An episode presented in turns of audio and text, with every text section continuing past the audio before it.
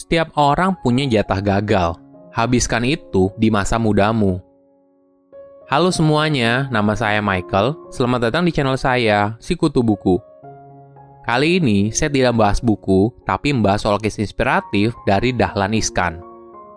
Sebelum kita mulai, buat kalian yang mau support channel ini agar terus berkarya, caranya gampang banget.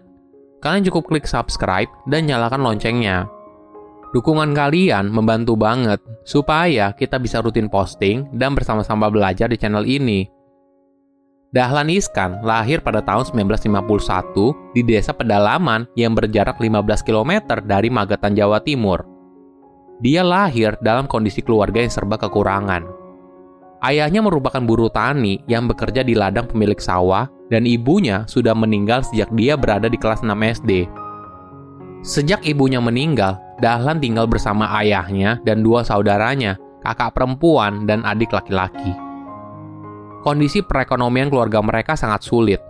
Dahlan bercerita, jarak antara sekolah dan rumahnya adalah 6 km. Jadi, setiap hari dia berjalan kaki sepanjang 12 km. 6 km saat pergi dan 6 km saat pulang. Perjalanan tersebut terasa semakin berat saat musim kemarau saat itu, karena tidak punya sepatu, Dalan harus sampai berjalan kaki sambil berjinjit karena cuaca yang sangat panas dan membakar kakinya. Namun, ketika pulang ke rumah, kadang tidak ada beras yang tersedia. Kalau sudah begitu, dalam kondisi lapar, Dahlan kadang mencuri tebu dari kebun milik BUMN. Selain itu, ketika kecil, Dahlan juga bekerja sebagai gembala kambing milik tetangga. Setelah pulang sekolah, dia akan membawa kambing ke sungai agar kambingnya bisa makan rumput di sana. Ketika kambingnya sibuk makan rumput, Dahlan kemudian mencuci baju dan celana satu-satunya yang dia miliki dan berenang mencari ikan. Jika hari itu beruntung, maka Dahlan akan punya ikan untuk dimakan. Bahkan, untuk membakarnya, dia menggunakan bekas kotoran sapi yang kemudian dijadikan api untuk membakar ikan hasil tangkapannya. Bagi Dahlan, hidup bagi orang miskin harus dijalani apa adanya. Cita-citanya waktu kecil sangat sederhana, yaitu punya sepeda dan sepatu. Akhirnya, keinginannya untuk punya sepatu terwujud ketika dia duduk di kelas 2 SMA akhir.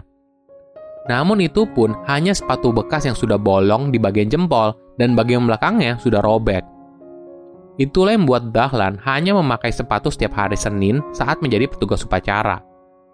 Karena dia hanya punya sepatu satu-satunya, maka Dahlan sangat menyayangi sepatu robeknya dan merawatnya agar bisa bertahan selama setahun. Ada cerita cukup sedih di balik tanggal kelahiran Dahlan. Saat itu, kakaknya menuliskan tanggal lahirnya di balik lemari dari bambu tempat penyimpanan makanan. Namun, ketika ibunya sakit berkepanjangan, ayahnya tidak bekerja karena harus merawat ibunya. Satu persatu barang di rumahnya kemudian dijual, termasuk lemari tersebut yang berisi tanggal lahir dari Dahlan. Itulah yang membuat ayahnya tidak ingat tahun berapa Dahlan Iskan lahir, apalagi bulan dan tanggalnya. Mereka hanya ingat harinya saja, dan waktu gunung kelut meletus, Dahlan sudah bisa merangkak. Setelah dia hitung sendiri, kira-kira dia lahir di tahun 1951. Namun untuk tanggal dan bulannya, Dahlan punya cara yang kreatif. Dia menuliskan hari dan bulan kelahirannya sebagai 17 Agustus agar mudah diingat karena bertepatan dengan kemerdekaan Indonesia. Dengan kerja keras dan semangat pantang menyerah, Dahlan berhasil merubah hidupnya dari anak desa yang miskin menjadi orang sukses seperti sekarang. Pada tahun 1975, dia memulai karir pertamanya sebagai reporter di surat kabar kecil di Samarinda, Kalimantan Timur. Satu tahun kemudian, Dahlan berhasil diterima sebagai reporter di majalah mingguan Tempo. Kemudian, pada tahun 1982, dia mendapat tugas untuk memimpin koran Jawa Pos yang hampir bangkrut. Di tangan Dahlan, koran yang hampir bangkrut mampu berpenah diri dan berkembang pesat. Dari yang awalnya hanya 6.000 eksemplar, selama lima tahun Jawa Pos berhasil memproduksi hingga 450.000 eksemplar per hari. Bahkan, dia mampu mendirikan stasiun televisi lokal di Surabaya, yaitu JTV. Ketika sukses menjadi bos media, Dahlan pun dipercaya sebagai direktur utama PLN. Dan beberapa tahun kemudian, Dahlan diberikan kepercayaan yang lebih besar lagi menjadi Menteri BUMN. Dalam memandang kehidupan, Dahlan bilang ada tiga jenis aliran hidup. Ada orang yang memikirkan hidup itu adalah masa lalu. Mereka membanggakan kejayaan masa lalu, kejayaan kakek neneknya, kejayaan orang tuanya, hingga prestasinya di masa lalu. Ada juga tipe orang yang berkebalikan. Bagi mereka, hidup lebih berarti jika yang dipikirkan adalah masa depan. Mereka punya prinsip untuk melupakan masa lalu, yang penting adalah masa depan. Orang tipe ini biasanya tidak mau cerita soal kejayaan masa lalu dan berorientasi pada masa depan. Selain dua tipe orang tersebut, tipe orang ketiga adalah aliran orang hidup di masa kini saat ini. Bagi orang ini, hidup yang penting adalah saat ini. Jangan membanggakan masa lalu, jangan juga terlalu memikirkan masa depan. Yang terpenting adalah saat ini apa yang harus diperbuat. Orang tipe ini bekerja sebaik-baiknya saat ini, soal hasilnya sukses atau tidak, dia tidak terlalu peduli.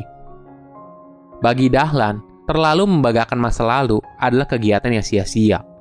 Terlalu memikirkan masa depan juga buat kita tidak bahagia. Dan melakukan yang terbaik saat ini adalah pilihan yang paling realistis.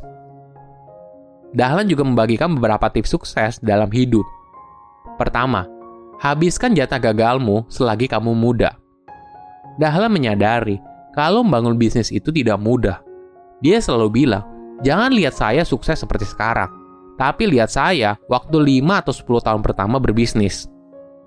Dahlan juga paham, walaupun orang sudah sekolah bisnis atau ikut seminar bisnis paling hebat sekalipun, orang tersebut tidak akan langsung menjadi pengusaha sukses.